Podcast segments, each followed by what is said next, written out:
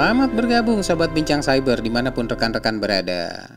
Wah, dalam situasi belakangan ini rupanya ancaman COVID-19 semakin intens khususnya ada beberapa rekan-rekan yang memberikan feedback terkait perkembangan di Indonesia. Masih banyak hingga kini perusahaan-perusahaan yang mungkin belum dapat untuk fully operated dikarenakan uh, pandemik ini. Sementara di sisi lain kalau kita bicara cyber security, tentunya nggak ada habisnya perkembangannya bahkan semakin intens meskipun situasi kita belum 100% pulih untuk bekerja di kantor. Nah, eh, khusus pada kesempatan kali ini saya sedikit akan memperluas eh, fokus bahasan kita membahas tentang eh, apa yang kita sebut dengan Internet of Things atau IoT. Nah, menariknya kalau kita sebut dengan Internet of Things di sini rupanya eh, salah satunya Internet of Things itu ternyata orang menyebut sebagai pisau bermata dua ya artinya dia bisa dipergunakan untuk good purpose atau bisa juga dipergunakan untuk bad purpose. Nah pada kesempatan kali ini kita eh, telah eh, didampingi mungkin ada salah seorang narasumber yang eh, Beliau merupakan senior solution consultant dari Fortinet Indonesia. Nah, beliau ini sudah memiliki pengalaman setidaknya 13 tahun dalam area uh, cyber security yang juga uh, memprovide banyak hal nih kalau dilihat ada yang di cloud computing juga, dari infrastructure design juga, bahkan sampai dengan uh, security solution yang uh, di sini dari berbagai industri ada banking, ada government, ada telco dan energi juga bahkan sampai ke healthcare. Oke, langsung saja ya pada kesempatan ini kita sambut Bapak Kurniawan Darmanto. Halo. Halo. Selamat. Halo. Ya, Halo Pak Faisal. Selamat siang, Pak. Selamat siang, Pak. Apa kabar? Luar biasa, Pak. Luar biasa. Wah, lagi di rumah, lagi di kantor? Uh, lagi work from home pak. Lagi work from home. Wah gimana nih? Udah udah fully operated belum nih? Atau masih nunggu-nunggu uh, update pemerintah? Uh, kalau kita uh, ngikutin update pemerintah juga, kemudian ada beberapa policy kantor yang harus kita ikuti. Hmm. Tapi uh, in term of operation kita sekarang fully operated pak. Uh, oh. Even uh, sometimes uh, dengan adanya kondisi seperti ini, -hmm. kita bekerja beyond our working hours. Wah, ini lebih lebih uh, tantangannya lebih banyak atau gimana nih, Pak Kurniawan? Tantangannya surprisingly lebih banyak, Pak, dengan kondisi seperti ini.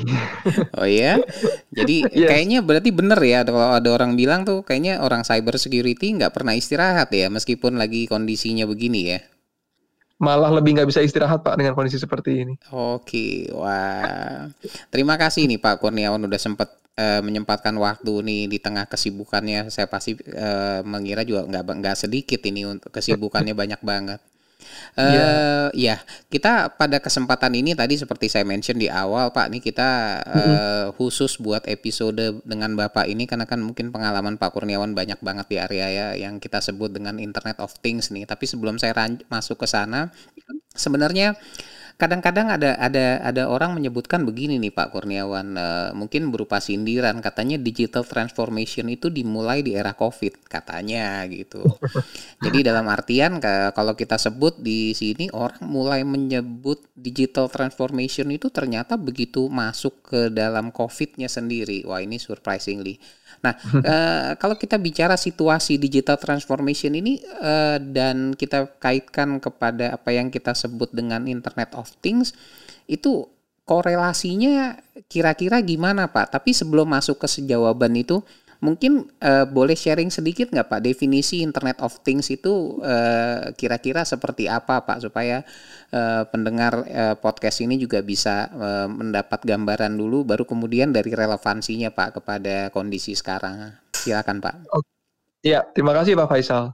Jadi uh, mungkin penjelasan dulu sedikit mengenai Internet of Things. Jadi uh, ya seperti uh, istilahnya internet uh, dan things itu relevansinya ke devices itu adalah device-device yang terkoneksi baik secara tidak langsung maupun langsung ke internet dan menggunakan fasilitas internet untuk connectivity-nya. Nah, eh, peruntukannya bisa macam-macam di device-device tersebut. Kenapa membutuhkan connectivity ke internet? Bisa memang untuk data analitik, bisa juga untuk monitoring, bisa juga untuk access purpose, uh, dan yang paling uh, ketara adalah uh, selain merebaknya banyak smart smart device ya, which is smart device itu menggunakan me media internet juga untuk connectivity-nya, dengan kondisi pandemik yang ada sekarang ini work from home itu kan banyak device-device yang sekarang bisa dibilang uh, eh, BYOD atau uh, device uh, uh, tablet apa pun itu yang bisa digunakan untuk menunjang uh, operation dari masing-masing uh, fungsi kita gitu. Nah itu sebenarnya secara tidak langsung kita menambah IoT device yang ada di kehidupan kita. Yang tadinya mungkin kalau saya bisa contohkan mungkin uh, umumnya orang punya satu smartphone, satu tablet, mungkin seperti itu ya.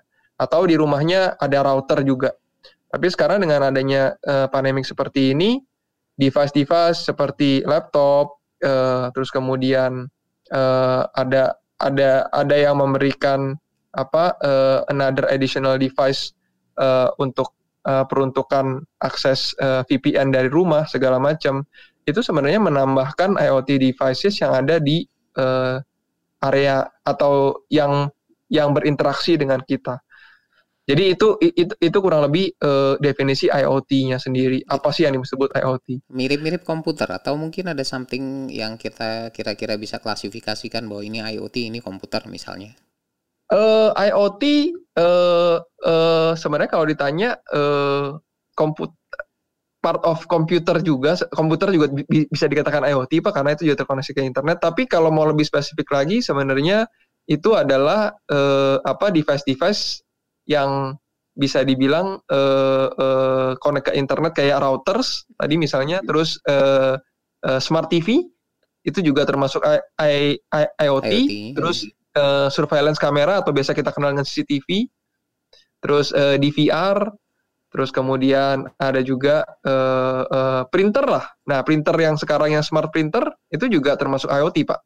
Oke. Okay. Jadi kurang lebih gambarannya itulah ya Pak, apa yang dimaksud dengan I, IoT device. Oke. Okay. Kemudian tadi dari uh, apa yang kita sebutkan secara uh, impact-nya sendiri terhadap situasi uh, yang sekarang ini? Iya. Jadi kalau untuk itu sebenarnya ada relevansinya kalau dari kacamata saya, Pak Kenapa? Karena ya dengan uh, dengan dengan kondisi seperti ini itu secara langsung menambah uh, jumlah uh, IoT devices yang uh, atau bisa dibilang device yang terkoneksi ke internet. Nah, hal ini sebenarnya kelihatan kalau mungkin para pendengar sekalian uh, banyak melakukan apa research atau baca-baca dari sumber-sumber yang ada di internet, itu bisa dilihat bahwa selama masa pandemik ini uh, yang bisa dibilang uh, mungkin saya bilang 4 sampai 5 bulan terakhir globally gitu ya. Itu internet usage growth itu uh, satu satu setengah kali lipat kenaikannya. Jadi cukup signifikan sekali. Nah, kenapa internet usage growth ini uh, uh, signifikan? Karena mungkin karena selain dari sisi trafficnya memang meningkat, ini juga dikarenakan jumlah device uh, yang terkoneksi ke internet juga meningkat. Baik itu yang diperuntukkan untuk pekerjaan maupun untuk aktivitas-aktivitas digital lainnya. Berarti sebenarnya Jadi, kalau dia hmm. ketika dia working from home uh, need dari pada saat dia masuk working from home sebenarnya dia menciptakan komponen device uh, menyebabkan peningkatan uh, dari komponen device yang yang semakin terhubung ke internet dibandingkan ketika dia working from office. Iya, Pak.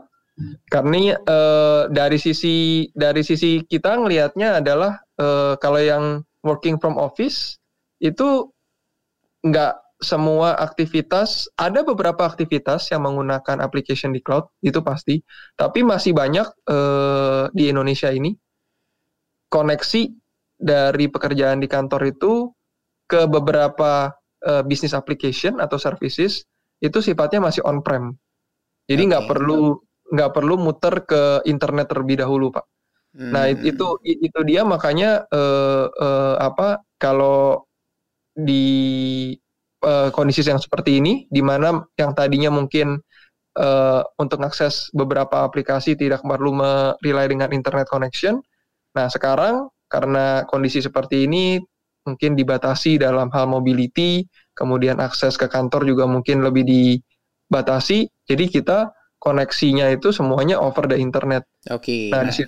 Kita kita take, uh, kita underline nih satu hal yang menarik uh, statement dari Bapak. Jadi sebenarnya boleh dikatakan laju peningkatan penggunaan internet yang tadinya mungkin lebih rendah dari kondisi sebelum Covid dengan ketika pada saat kon, uh, kondisi sekarang ini Covid itu sebab ya. uh, salah satu penyebab utamanya adalah ketika orang berada di rumah yang tadinya trafficnya hanya memutar aja di dalam gitu ya kan on prem to yeah. on prem sekarang yes ketika dia bekerja di rumah dia menciptakan traffic baru ya. Walaupun yes. mungkin menurut orang itu sama aja, dia juga cuma mengakses area yang itu, tapi trafficnya keluar dulu apa enggak gitu ya? Mungkin demikian ya, iya. ya Pak ya. Okay. Betul. Jadi ini semua ya uh, dikarenakan uh, adanya work from home inisiatif uh, yang yang yang yang menimbulkan uh, apa uh, traffic growth ini. Terus kemudian ada juga digital activity, digital activity di mana sekarang uh, even kita kalau mau membeli sesuatu semuanya semuanya sekarang uh, online.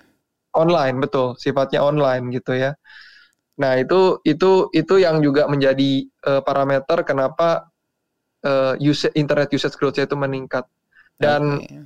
secara nggak langsung juga uh, uh, meningkatkan adopsi terhadap uh, apa perangkat-perangkat yang terkoneksi ke internet yang tadinya mungkin ya tadi yang tadi seperti Pak Faisal sampaikan yang tadinya mungkin nggak perlu eh, nggak uh, perlu keluar dulu uh, ya nggak perlu keluar dulu even sebenarnya nggak ada internet pun orang ke kantor dia bisa bekerja uh, from 8 to 5 gitu.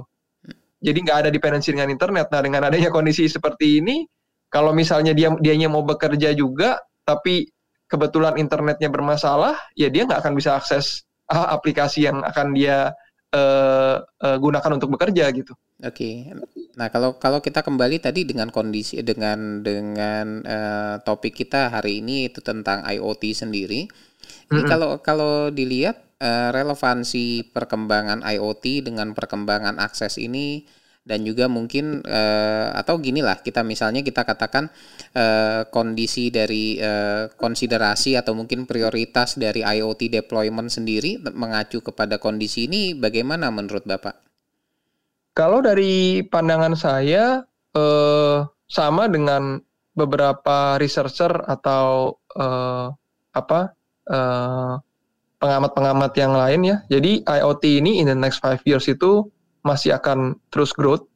Even ada salah satu report yang mengatakan uh, in the next five year it will reach uh, 75 billion connected devices. Jadi uh, itu bakal tetap relevan. Jadi mau dengan adanya COVID ini malah mungkin mempercepat kena uh, apa untuk bisa meet uh, angka tersebut. Terus kemudian kalau saya uh, dari kacamata security sekarang ya Pak ya. Dari yeah. kacamata security, uh, uh, kenapa saya bilang dari kacamata security? Karena beberapa riset dan survei uh, yang mensurvei para uh, C-level atau para uh, security leader atau uh, security manager itu deployment IoT itu uh, me, me, menitik beratkan terhadap security yang pertama, yang kedua itu adalah connectivity. Jadi du dua dua part ini yang yang jadi key point dalam uh, penentuan atau uh, deployment terhadap uh, IoT solution. Nah, dari dari dari salah satu sumber yang pernah saya baca juga itu dengan adanya penambahan atau growth IoT device yang terus uh, booming seperti ini itu secara nggak langsung increase cyber cyber cyber security attack landscape juga. Hmm, Jadi okay. penambahan IoT device menambahkan uh, growth dari sisi uh, uh, konektivitas ke internet secara linear itu juga menambahkan peluang para malicious threat actor untuk menciptakan uh, threat landscape yang mungkin mungkin dikatakan baru enggak, tapi lebih sophisticated dan bisa disalahgunakan. Jadi nah, tekniknya nah, beberapa, aja ya yang diperbaharui. Iya, betul. Tekniknya yang diperbaharui. Jadi beberapa yang mungkin umum yang bisa saya sampaikan di sini dan sering terjadi yang berujung terhadap data breach tadi Pak Faisal sudah sampaikan itu adalah yang pertama uh, menggunakan uh, attack serangan uh, exploit. Okay. Jadi uh, mereka mencari vulnerability-nya. Uh, kenapa kenapa device-device tersebut uh, ada vulnerability-nya? Tentunya ya uh, bis, uh, dikarenakan mungkin yang software yang tidak rutin diupdate atau uh, memang baru ditemukan. Jadi it's it's a new it's the new vulnerability dan dari situ ketika para malicious threat actor ini sudah berhasil mengeksploit dan menemukan celahnya, itu dia bisa uh, melakukan akses. Aksesnya itu bisa dengan dengan dengan cara melakukan uh, kalau misalnya di password ya ada autentikasinya ya biasanya melakukan brute force Mm-hmm. Paling umum itu brute force. Nah, brute force sendiri uh, dengan perkembangan teknologi compute yang semakin canggih ini, itu yang tadinya mungkin butuh waktu lama, makin lama sekarang makin cepat untuk melakukan brute force. Nanti uh, mungkin saya kasih sampelnya. Tapi goalnya adalah apa dari para actor ini? Goalnya adalah bagaimana dia bisa menanamkan sesuatu, kita bilang sesuatu, kenapa? Atau yang mungkin di, di, di dunia security kita kenal dengan nama botnet. Okay. Nah, apa sih yang bisa apa sih kenapa sih uh, kita harus uh, aware atau kita harus uh, precautious terhadap botnet tersebut? Karena botnet ini biasanya digunakan uh, untuk uh, menyerang atau merugikan uh, infrastruktur IoT kita. Contohnya seperti ini. Contohnya adalah uh, uh, uh, traffic DDoS dari IoT IoT devices itu kejadian juga serangan-serangan seperti itu tanpa si pemilik IoT-nya itu mengetahui bahwa device mereka itu digunakan untuk melakukan serangan DDoS. Itu merugikan orang lain. Kalau yang merugikan diri kita sendiri bisa ada dua, either si botnet itu melakukan metodologi yang kita biasa sering dengar dengan istilah cryptojacking. Jadi dia ngambil resource-nya si uh, IoT device kita untuk kepentingan si threat actor tersebut. Atau bisa menjadi jump house di mana dari IoT device yang sudah terkompromis tersebut dia bisa masuk ke dalam-dalam bisa even bisa sampai ke endpoint device yang lain collateral movementnya bisa bisa sejauh itu dan mungkin apabila dia mencapai device yang memiliki storage dia bisa melakukan pencurian data atau yang kita sebut dengan istilah data breach atau even dia melakukan uh, apa uh, uh, capture capture data yang sifatnya privacy atau confidential. Nah, mungkin contohnya aja uh, saya sedikit uh, singgung ya, bukannya promosi atau apa, tapi uh, kalau para pendengar sekalian pernah dengar film IT, nah uh, coba aja ditonton itu kurang lebih uh, bisa menggambarkan bagaimana uh, threat actor bisa menyerang IoT device dan bisa mengambil privacy dari para pendengar sekalian. Itu yang bisa saya sampaikan. Cukup mengerikan ya Pak ya. semakin kita tahu semakin ngeri pak. Oke, jadi mungkin sarannya sarannya nggak usah tahu atau harus tahu nih. Kalau dari sisi saya uh, sebagai uh, orang yang menggeluti security ya pak, uh, hmm. saran saya sih lebih baik tahu karena dengan tahu uh, kita bisa meningkatkan awareness dan bisa lebih hati-hati uh, dalam uh, apa memanage atau melakukan perlindungan terhadap uh, IoT IoT device yang kita miliki. Oke, jadi sebenarnya lebih baik eh, kalau kita nggak tahu malah kita nggak bisa protek ya Pak. Betul. Nah, jadi kita harus tahu. Wah, ini menarik nih sarannya. Oke, nggak apa-apa. Saya take note nih udah dua nih. iya. Nah, sekarang kalau kita lanjutin dari sisi botnet nih kan tadi Bapak ada uh, sempat ngomong bot ya kondisinya. Hmm. Nah, kalau kita sekarang ini terkait dengan uh, IoT nih, kalau kita bicara bot ini sekarang bot apa yang lagi tren Pak untuk IoT devices? Oke, okay. untuk bot yang lagi ngetren untuk IoT devices, kalau yang saya uh, baca in the in the past six months itu ya, itu ada satu bot yang dikenal dengan nama Dark Nexus. Oh, Dark Nexus, oke? Okay. Ya, uh, mungkin uh, kurang begitu ring the bell uh, atau atau kalau memang uh, para pendengar yang main di security uh, pasti uh, sudah dengar ini. Tapi kalau yang belum, mungkin not ring the bell, mungkin saya bisa uh, kasih yang lebih ring the bell itu adalah uh, Mirai. Jadi Mirai, Mirai itu adalah uh, bot yang menyerang IoT devices juga. It, dan Dark Nexus ini uh, menggunakan beberapa function atau uh, uh, code yang uh, ada di dark web gitu ya.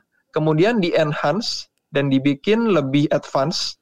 Makanya terciptalah Dark Nexus ini. Tapi dari sisi uh, function dan code-nya itu mirip dengan Mirai di mana uh, Mirai yang waktu itu sempat uh, booming sekali itu bisa melakukan atau mengenerate traffic uh, mencapai 1,2 terabit per second. Wow. Jadi itu ya itu uh, cukup uh, besar trafficnya dan salah satu korban yang menjadi uh, uh, korban serangan dari bot tersebut di dos di dos attack tersebut itu adalah DIN salah satu uh, provider DNS uh, global yang digunakan oleh banyak uh, service yang kita sendiri mungkin menggunakan contohnya aja Twitter, Netflix, Reddit Nah, itu beberapa service yang DNS-nya di-manage oleh DIN, di mana ketika uh, uh, DIN waktu itu kena attack, itu service-nya disrupt, dan layanan-layanan uh, ya, layanan yang tadi, yang tadi saya sebutkan, itu uh, terkena impact-nya, Pak. Wah, Jadi, massive ya, ya? Massive sekali waktu itu, uh, itu satu, uh, dan kemudian uh, kalau kita tarik lebih ke belakang lagi, sebelum mereka berhasil menyerang DIN uh, eh, DNS provider ini itu mereka sempat melaunching juga attack eh, nggak uh, sebesar attack serangan ke DIN tapi uh, kurang lebih setengahnya sekitar 660 uh, something gigabit per second itu uh, salah satu uh, information security block yang cukup famous di internet Crabs on Security. Hmm. Jadi itu juga sempat uh, down dikarenakan uh, uh, serangan yang diakibatkan oleh botnet-botnet yang ditanamkan di IoT device tersebut. Jadi kalau dibilang serangannya ini adalah lebih pada uh, criticality dari IoT-nya sendiri itu bisa dijadikan wadah ya, peretas untuk meletakkan codingnya dia sehingga nanti yeah. IoT device itu bisa dipakai begitu ya Pak ya persis ya. Iya, kurang lebih seperti itu dan uh, seperti yang tadi sudah sing kita singgung di awal uh, apa aja itu device yang yang yang digunakan untuk melakukan serangan ini ya ada routers, ada DVR, uh, uh, CCTV, terus kemudian uh, printer, uh, even yang uh, sampai ke smartphone. Jadi smartphone kita kayaknya kalau nggak terkonek ke internet uh, nggak mungkin agak, ya kalau agak agak agak nggak mungkin ya. Tapi begitu smartphone kita bisa ditanamkan uh, bot seperti ini secara nggak tanpa tidak sadar itu kalau memang di uh, diperintahkan lah bahasanya dengan dengan dengan dengan dengan dengan komunikasi ke CNC-nya si uh, threat actor tersebut itu dia bisa mengenerate traffic walaupun uh, bukan kemauan kita gitu. Tapi karena diperintahkan dan botnya sudah ada di uh, smart device kita ya dia generate traffic yang uh, tanpa kita sadari bisa merugikan kita atau orang lain Wah, gitu. bahaya juga ya semakin ke sini ya berarti perkembangannya. Iya. Dan uh, tadi saya sempat singgung di pertanyaan Bapak sebelumnya uh, mengenai kan uh, gimana cara uh, apa uh, IoT deployment yang baik dan uh, kenapa itu uh, perlu dipikirkan dari sisi security-nya. Karena tadi saya bilang salah satunya uh, ketika dia sudah bisa dapat vulnerability-nya dia akan coba mengetem uh, passwordnya dengan brute force. Nah, uh, ada research uh, mungkin uh, bisa dicek juga uh, ada publicly uh, publish di internet. Itu untuk melakukan uh, password compromise dengan automated tools. Uh, biasanya menggunakan uh, kalau yang saya tahu uh, encrack ya. Encrack pakai script gitu. Itu cuma butuh waktu 10 menit untuk melakukan peretasan password. 10 menit. Nah uh, asumsi saya sih ya kalau 10 menit uh, even though dengan di dunia uh, komputer yang saat ini uh, most likely passwordnya ini simple password. Oke. Okay. Dalam artian uh, mungkin tidak menggunakan pedoman-pedoman uh, password yang mungkin disarankan. Jadi mungkin hanya huruf dan terdiri dari kata yang mempunyai makna gitu.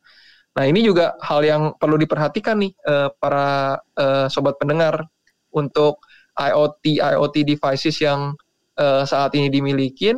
Kalau boleh saran tuh adalah at least passwordnya menggunakan kompleks password nah, supaya uh, seandainya ada vulnerability dan coba di brute force itu nggak uh, uh, mudah nggak 10 menit langsung bisa di take over tuh device-nya karena begitu bisa di take over device-nya itu dia mau uh, bikin uh, sistemnya ngeribut mau uh, apa melakukan uh, akses ke level root segala macam itu udah possible sekali. Wah, oke, okay. menarik.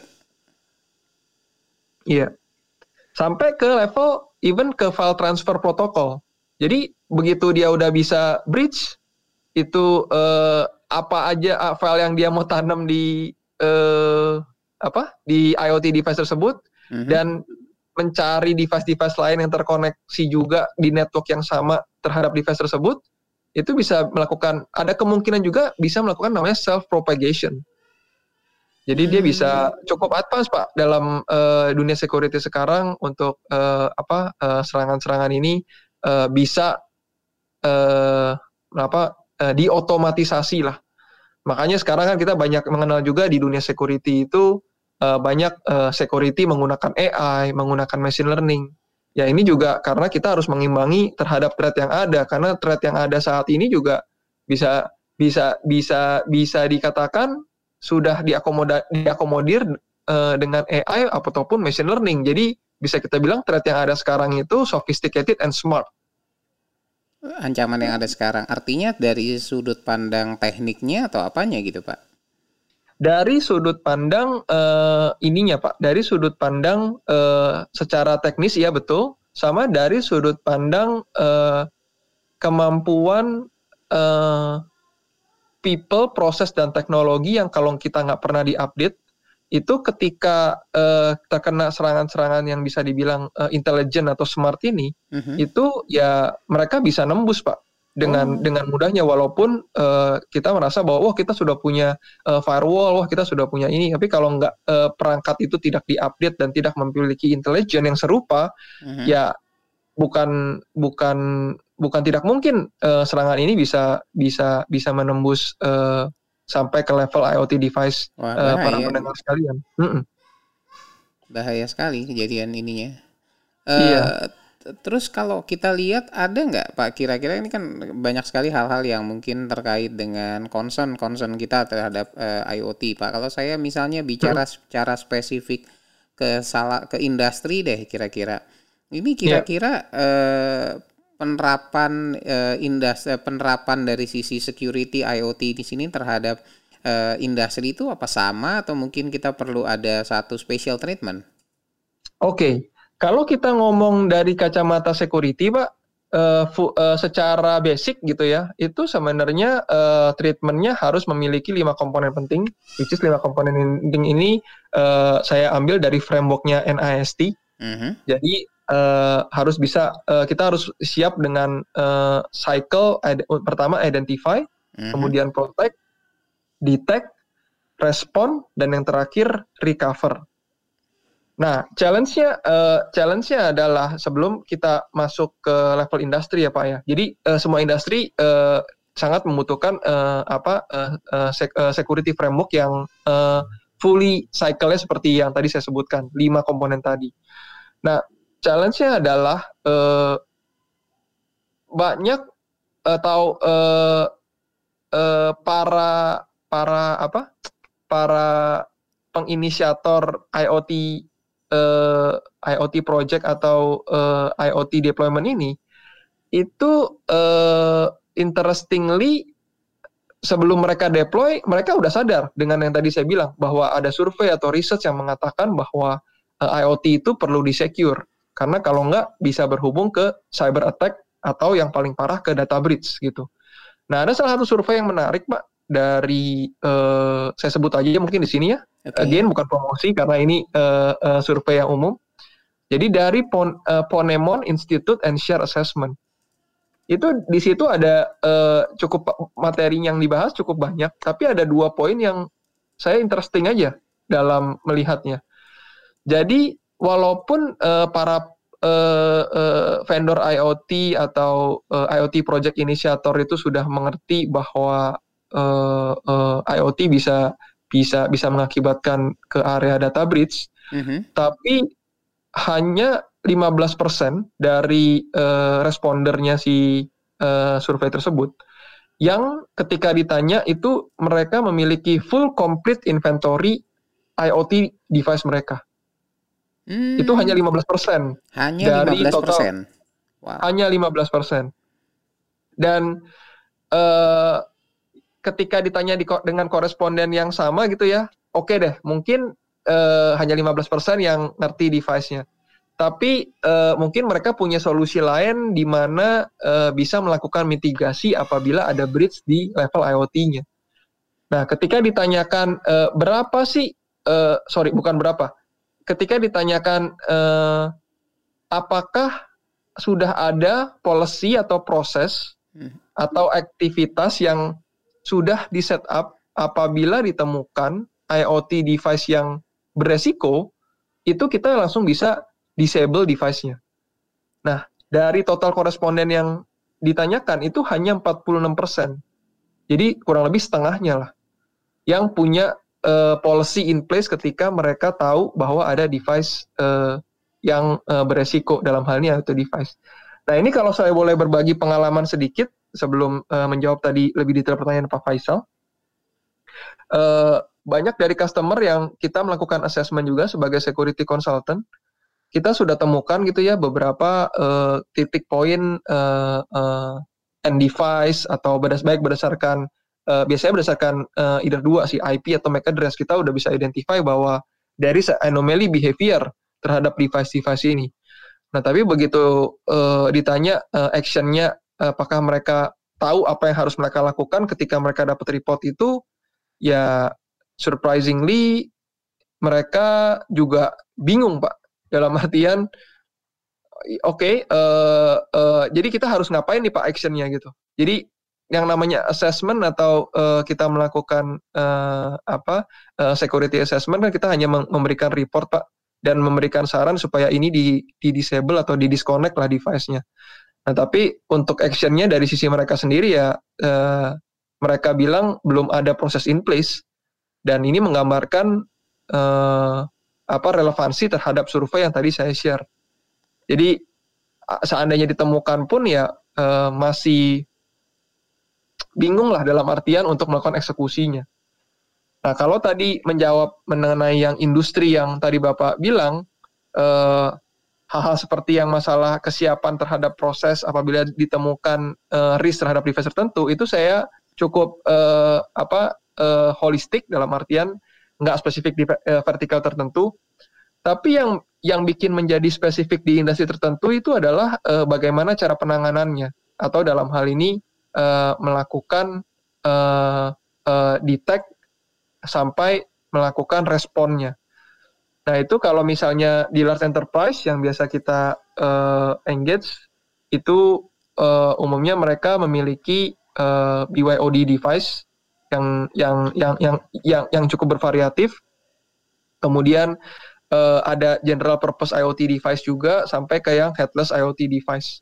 Nah, uh, kalau mungkin para pendengar yang mungkin uh, kurang mengerti apa headless IoT device, headless IoT device itu adalah uh, perangkat yang kalau terkoneksi dengan network atau uh, internet itu uh, uh, tidak apa uh, menggunakan media uh, uh, WPS lah umumnya, Wi-Fi protected uh, uh, system. Eh sorry, Wi-Fi protected setup. Jadi uh, menggunakan itu uh, itu untuk yang uh, di last enterprise. Nah, gimana mereka bisa melakukan uh, penanganan uh, respon dan recovernya? Itu mereka biasanya butuh solusi seperti uh, yang biasa dikenal secara umum tuh NAC. Uh, apa uh, gunanya untuk apa? Gunanya adalah untuk memberikan visibility dan control. Atau ada juga yang uh, sampai mereka investasinya sampai ke arah uh, end device-nya sampai ke IoT device-nya atau sampai ke endpoint BYOD-nya itu ada namanya uh, solusi yang secara umum dikenal dengan nama endpoint detection response. Nah, itu khusus untuk uh, large enterprise bagaimana mereka bisa menyiasati uh, uh, apa uh, peningkatan security untuk IoT auto device di environment mereka. Kalau kita beralih sedikit ke arah industri uh, service provider atau telecommunication itu sebenarnya uh, uh, uh, di Indonesia pun lagi menyiapkan gimana uh, uh, uh, go into uh, journey to to 5G. Jadi uh, journey to 5G ini penting karena apa? Karena uh, dari informasi-informasi uh, yang saya dapat itu 5G akan menjadi uh, apa? kunci juga salah satu kunci uh, untuk uh, perkembangan IoT security market. Kenapa? Karena di 5G ini nanti akan uh, secara bandwidth, secara latensi, secara speed itu jauh lebih baik dibanding kondisi uh, 4G. Nah, ketika itu terjadi, uh, bukan tidak mungkin nanti uh, ada konsultasi atau yang sifatnya pengecekan uh, di dunia healthcare gitu ya, itu bisa dilakukan nggak harus di satu tempat dengan dokternya gitu, bisa dari jarak jauh. Terus kemudian uh, critical critical infrastructure yang tadinya mungkin masih berbasis kabel gitu ya, itu nggak menutup kemungkinan juga itu akan uh, semuanya uh, bisa lebih uh, banyak untuk dideploy karena uh, semuanya sudah uh, uh, ber, berbasis 5G di mana tidak ada uh, apa limitasi uh, seperti deployment yang menggunakan kabel gitu. Nah, Jadi, nah dari sisi mereka kompleks ya, ya makin kompleks berarti. ya makanya Pak untuk pemilihan security sebenarnya uh, dari sisi complexity betul yang tadi Pak Faisal bilang tapi uh, gimana sekarang si security ini bisa give us more visibility security solutionnya sehingga dengan visibility ini kekompleksitasan tadi yang kita alami ini bisa diimbangi pak.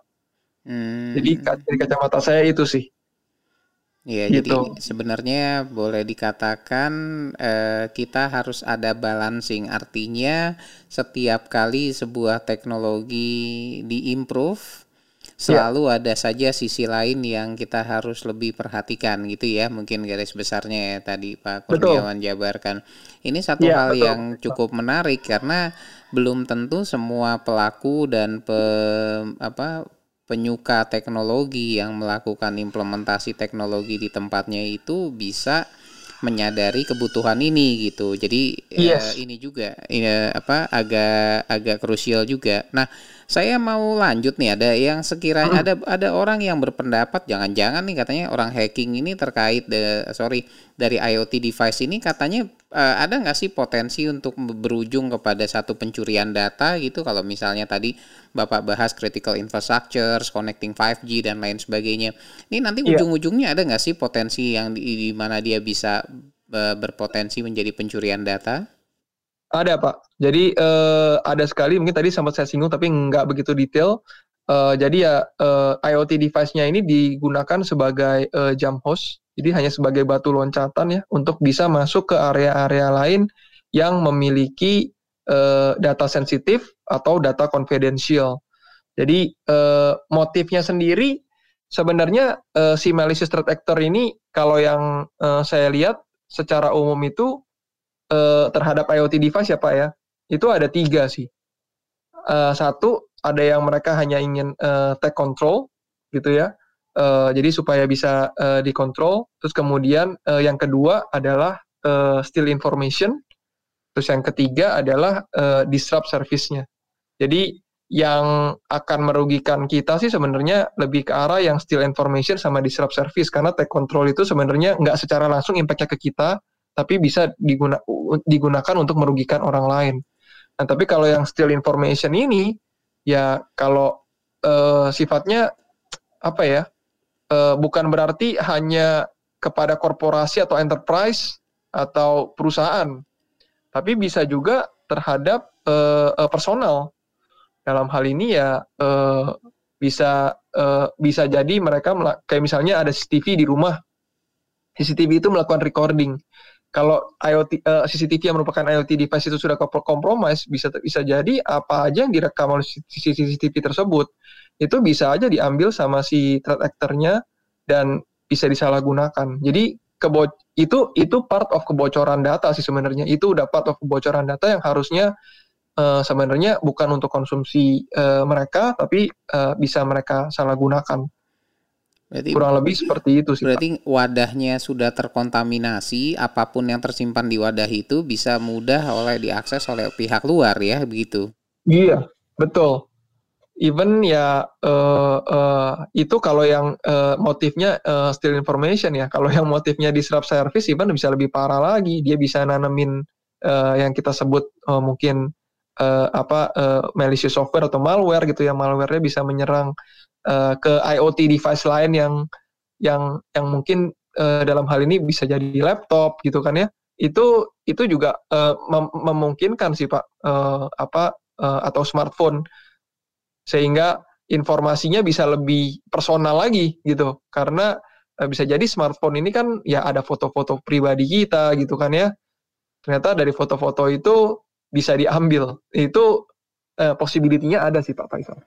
Wah, kalau kalau diomongin begini berarti kita oke, okay, ini uh, kita kan berarti berada pada satu kondisi yang mau nggak mau kan ada teknologi baru yang kita mesti manfaatin atau siapa yeah. sih yang nggak seneng beli smart TV ya, bawa pulang ke rumah yeah. gitu kan? Atau Betul, mungkin kulkas yang bahkan mungkin bisa memberikan hal-hal yang informatif misalnya ketimbang cuma air dingin. Jadi yeah. kalau kita lihat berarti harus ada strategi khusus dong nih kira-kira atau mungkin bagaimana untuk penentuan solusi untuk security-nya si IoT tadi dong. Kira-kira apa yang Pak Kurniawan bisa uh, berikan terkait dengan strategi sama penentuan solusi security-nya IoT, Pak? Ya, kalau uh, kita mulai dari strateginya dulu sih Pak, sebelum kita menentukan solusi IoT security-nya, karena ini akan uh, menjadi baseline dari solusi IoT yang dibutuhkan apa, apakah itu uh, sesuai atau tidak. Uh, jadi tadi seperti yang saya singgung di uh, di penjelasan saya sebelumnya bahwa uh, fundamental security-nya sama, tapi solusinya bisa berbeda-beda tergantung dari kebutuhan atau strategi security yang ingin dijalankan. Ingin dijalankan. Jadi kalau dari sisi uh, strateginya kita mesti uh, men, uh, meng, mengetahui ya ada tiga hal sih. Yang pertama adalah uh, do you know what you are trying to connect? Jadi itu yang pertama. Jadi apa aja sih yang akan terkoneksi? Terus tahu nggak apa aja yang terkoneksi tersebut? Itu satu. Terus yang kedua, setelah tahu gitu ya, yang kedua adalah what is the impact if your system atau device was compromised? Jadi apakah impactnya oh ya udah uh, uh, apa uh, IoT device saya dibuat untuk uh, cryptojacking uh, uh, apa uh, sehingga uh, apa menghasilkan uh, konsum listrik yang lebih besar oh ya udahlah nggak apa-apa lah saya bayar listrik juga. Jadi uh, impactnya dari compromise uh, ke IoT device ini tuh uh, uh, uh, seberapa concern dari uh, para pendengar sekalian. Itu yang itu yang mesti uh, jadi baseline juga. Karena kalau nggak concern pasti nggak akan care dengan security-nya. Itu no, nomor dua Terus kalau kalau nomor dua memang concern dan uh, uh, tahu impactnya bahwa itu akan merugikan gitu ya. Terus baru ketiga, ketika hal itu terjadi, when it happen, do you have the recovery plan in the recovery plan in place?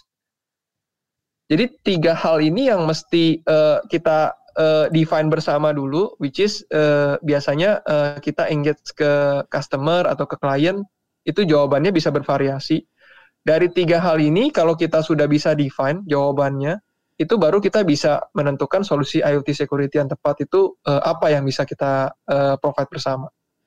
Kurang lebih itu Pak Faisal. Wah ini kalau dilihat uh, sebenarnya semakin banyak hal kompleks. Kalau kita lihat dari sudut pandang korporasi mungkin uh, solusi visible-nya saya yakin nggak mungkin kalau nggak ada.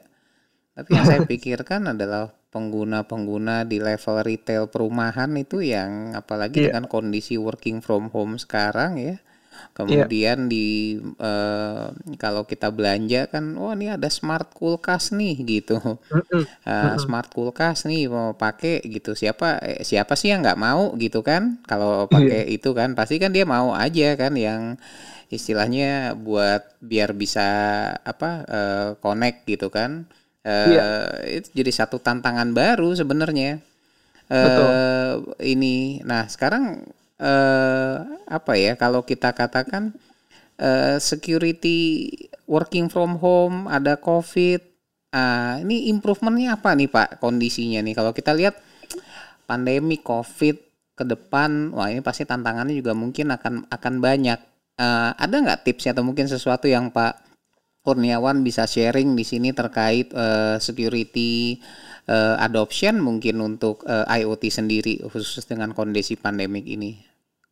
Iya, uh, memang betul tadi yang uh, apa uh, Pak Faisal uh, sampaikan mungkin kalau di level korporasi akan lebih mudah karena mungkin solusinya pasti ada saja gitu ya. Tapi kalau untuk yang apa uh, level individu uh, kalau retail kita masih bisa uh, engage dengan para retailernya Pak. Karena uh, so far retailer di Indonesia juga sudah sangat aware terhadap uh, how to secure their IoT devices. Itu uh, saya kalau saya boleh berbagi pengalaman ya uh, para retailer di Indonesia juga sudah concern mengenai hal ini. Makanya uh, mereka engage dengan uh, para uh, managed security service provider ya untuk uh, provide uh, IoT security-nya. Uh, uh, kalau untuk yang uh, individu uh, uh, yang paling bisa saya uh, sarankan itu adalah uh, yang pertama itu mungkin uh, raise raise security awareness of IoT teknologi kali ya.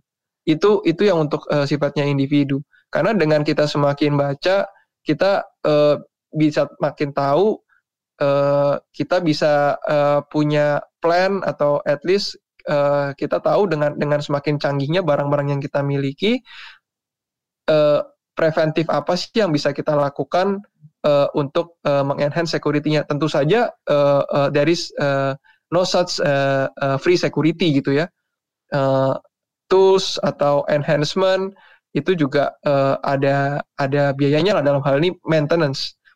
Uh, kemudian uh, dari hal individu juga uh, selain raise masalah security awareness itu yang kedua adalah gimana kita bisa uh, sedikit agak merepotkan mungkin, tapi gimana kita bisa melakukan uh, uh, up, update dari sisi uh, firmware-nya lah ya kalau saya bilang firmware-nya para smart device tersebut. Dari dari sisi tadi kalau tadi Pak Faisal sampaikan ada kulkas, ya ya ya kalau kita mau punya barang canggih jangan uh, jangan males lah dalam artian.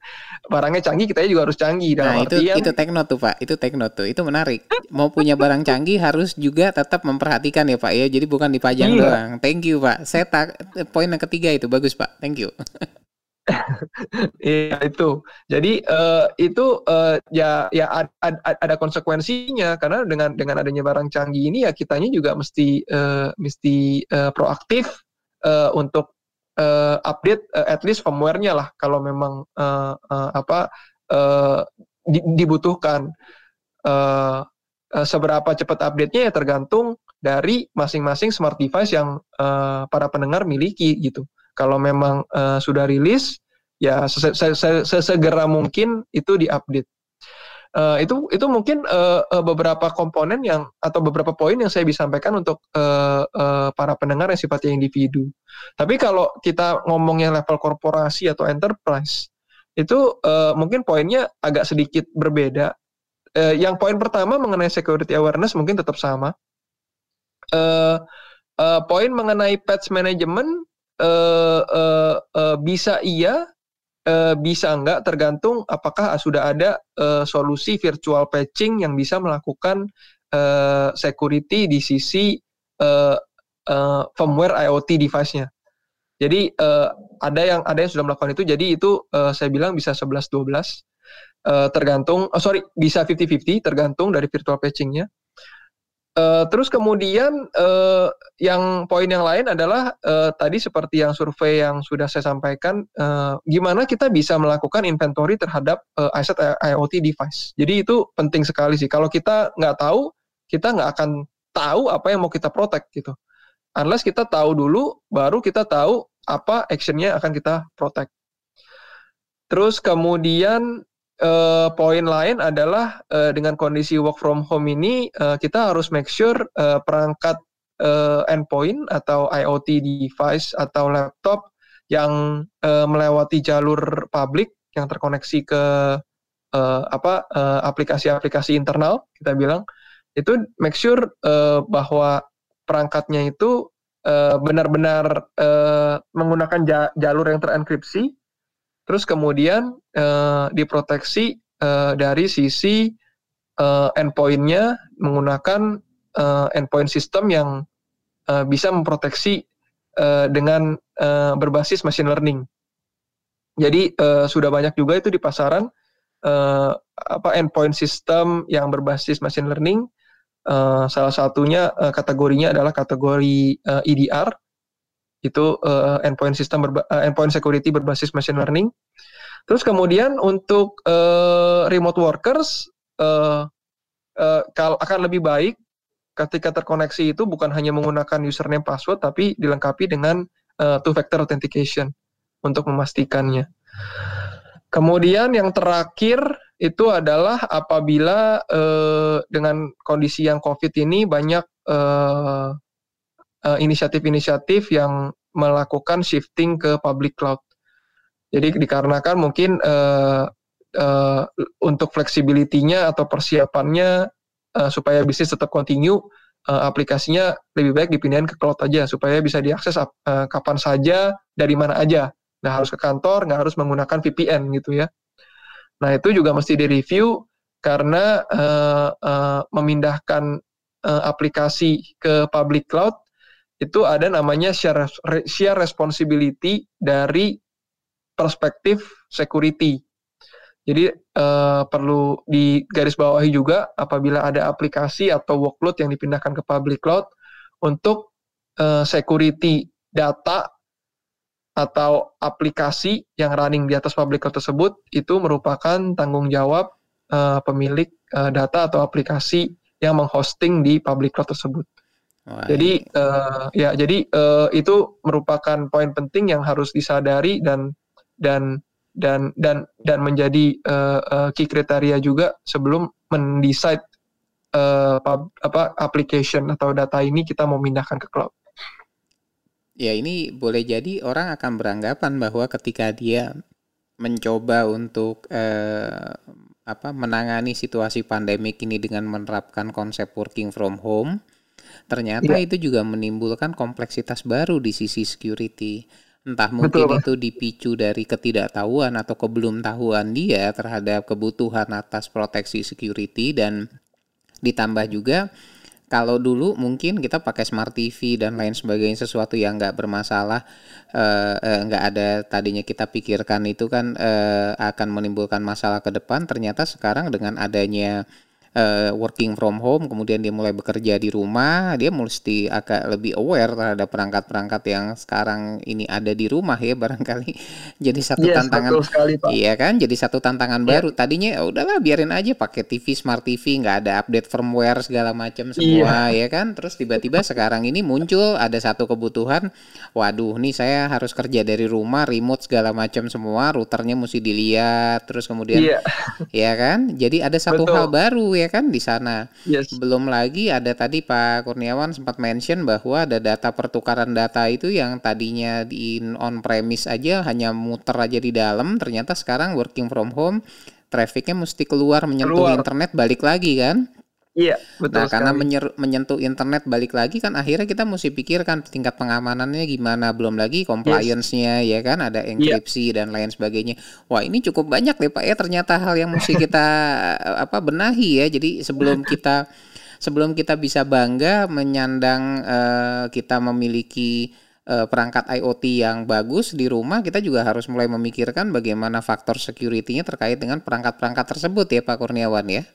Iya, iya. Dan nah. satu hal mungkin tambahan uh, uh, just a small additional note itu uh, untuk security itu uh, there is no such thing like a, a 100% secure. Okay. Jadi it's something yang perlu terus untuk diimprove.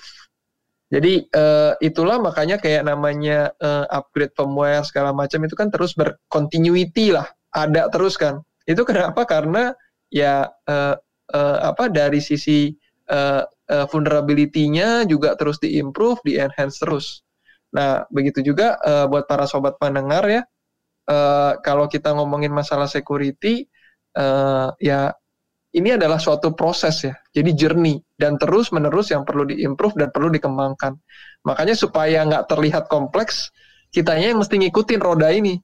Kalau kitanya berhenti dan uh, apa perkembangannya semua ini uh, jadi lebih intelijen, jadi lebih smart segala macam dan kitanya nggak ngikutin, jadinya akan berasa wah jadi makin jauh ya ketinggalan. Karena kita ketinggalan. Dan jadi makin kompleks gitu. Iya, karena kita ketinggalan ya katanya. Artinya minimum requirementnya ketika kita mengakuisisi something itu harus ada minimum requirement yang kita mesti siapkan gitu ya. Betul pak. Betul. Jadi teknologi itu tidak lagi sifatnya dikonsum tapi harus juga dijaga ya. Iya. Uh, kita perangkat itu, itu benar tuh pak. Uh, nggak, nggak cuma dikonsum tapi juga harus dijaga. Uh, itu bagus tuh pak. betul ya. Jadi ya, istilahnya kan ada something yang kita kalau tadi ada printer ya. Kalau dulu printer kan kayaknya jadul banget gitu ya. Connect ke iya. komputer iya. terus ngeprint berisik lagi gitu kan. Nah, kalau sekarang kan printer canggih bisa uh, apa tuh ada yang print over internet lah dari kantor yeah. kita print nyambung ke rumah gitu ya. Betul. Iya mesti tinggal satu printer dipakai rame-rame connect ke wifi ya kan iya. uh, uh, makin canggih kan ya tapi juga iya. kita harus jaga jangan sampai tetangga seberang pada ikut ngeprint di sini gitu ya betul pak betul kurang lebih contohnya seperti itu sih pak ya. itu makanya ya makanya kalau kita boleh underline di sini berarti sebenarnya kompleksitas yang tertimbul belakangan ini terkait dengan uh, apa ya satu gaya baru yang kita sebut working from home kita semakin uh, pengen dong kalau kita kerja dari rumah, pengen dong saya yeah. punya perangkat-perangkat canggih, ada printer yang iya. bagus, yeah. ada ini.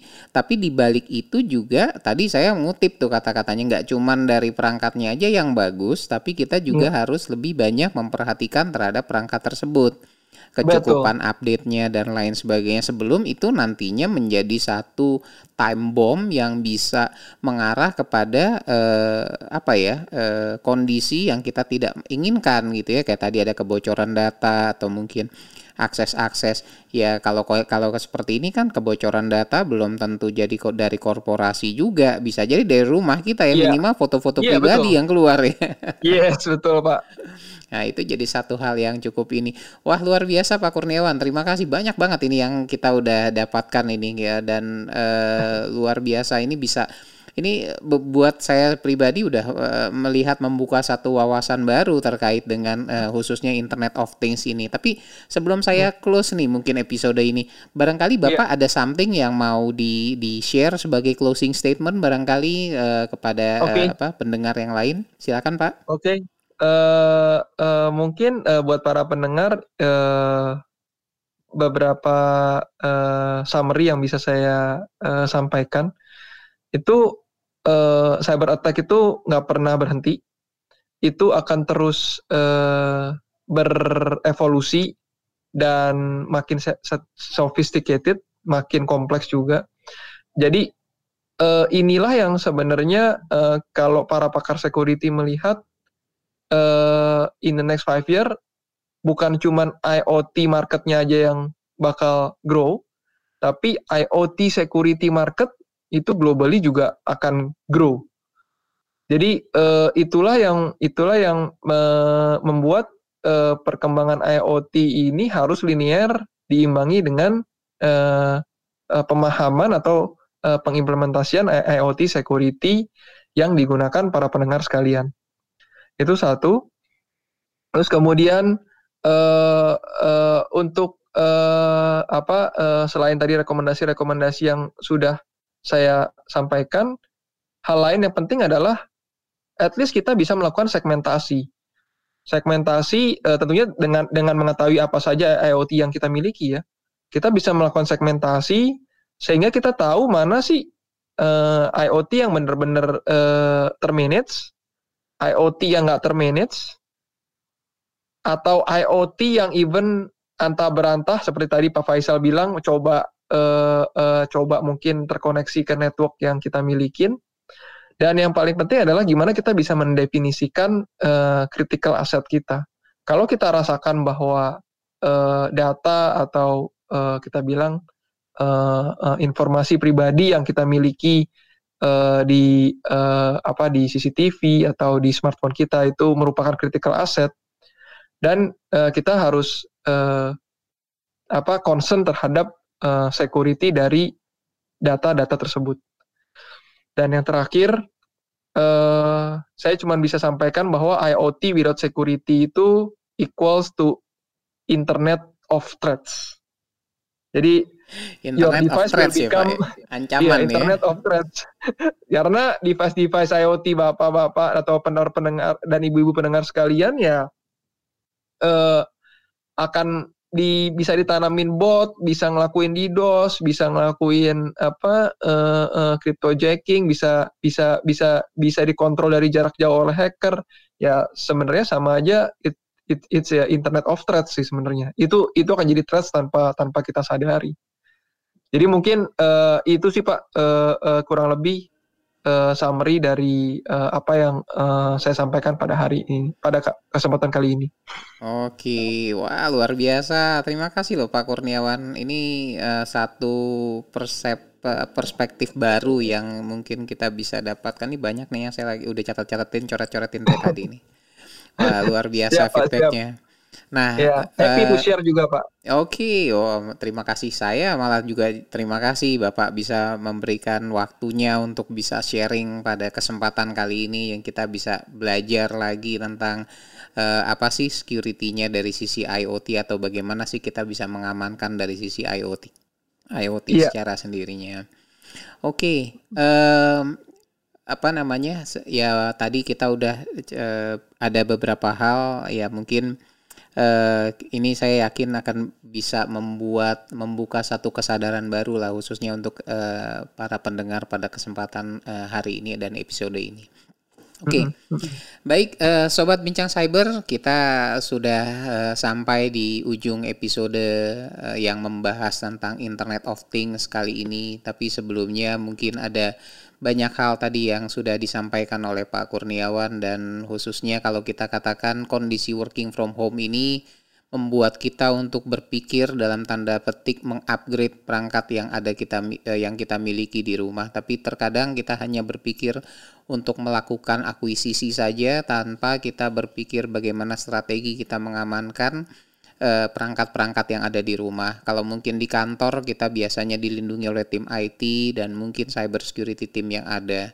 Tapi ketika kita berada di rumah, ternyata baru kita sadar bahwa mungkin saja printer kita, kulkas kita, smart TV kita itu perlu special treatment untuk menjaga jangan sampai di rumah kita bisa menciptakan vulnerability baru. Dan ini semua saya yakin mengingat bahwa kondisi pandemik ini mungkin belum dalam waktu yang dekat ini akan mengalami satu perubahan signifikan. Dengan demikian mungkin tidak ada salahnya dari sekarang kita sudah mulai memikirkan bagaimana kita mengamankan apa yang disebut cyber security dari kondisi perangkat, dari kondisi item yang kita miliki di rumah. Sebuah iya. diskusi yeah. yang menarik.